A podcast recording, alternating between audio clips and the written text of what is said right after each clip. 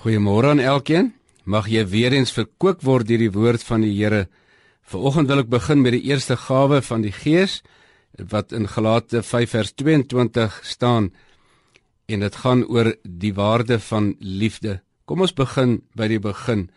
God is liefde en dit is kort en saaklike vers in 1 Johannes 4 vers 8. God is nie slegs die outeur van liefde nie, maar hy is liefde homself en hy verwag dat ons sal lief hê. Omdat sy liefde in elke gelowige se lewe natuurlik uitgestort is, daarom kan ons liefde hê. Liefde het 'n geweldige krag. As jy kyk na die omskrywing van liefde in 1 Korintiërs 13, dan sien jy die omvang van liefde, 'n beperkinglose krag van God wat in sy kinders werk. Die Here se hele wese en werke bestaan uit liefde en daarom het die Here vir ons liefde gedemonstreer.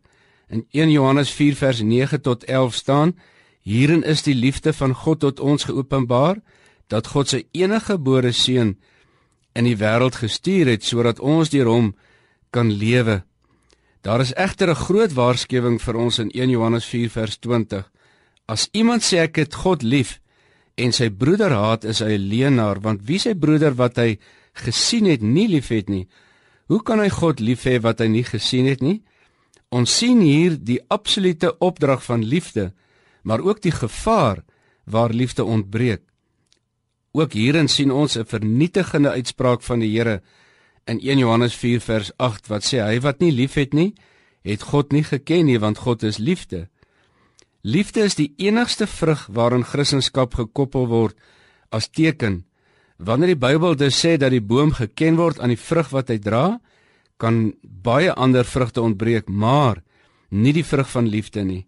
Die Here sê die volgende in Johannes 13 vers 35: Hieraan sal almal weet dat julle my disippels is as julle liefde onder mekaar het.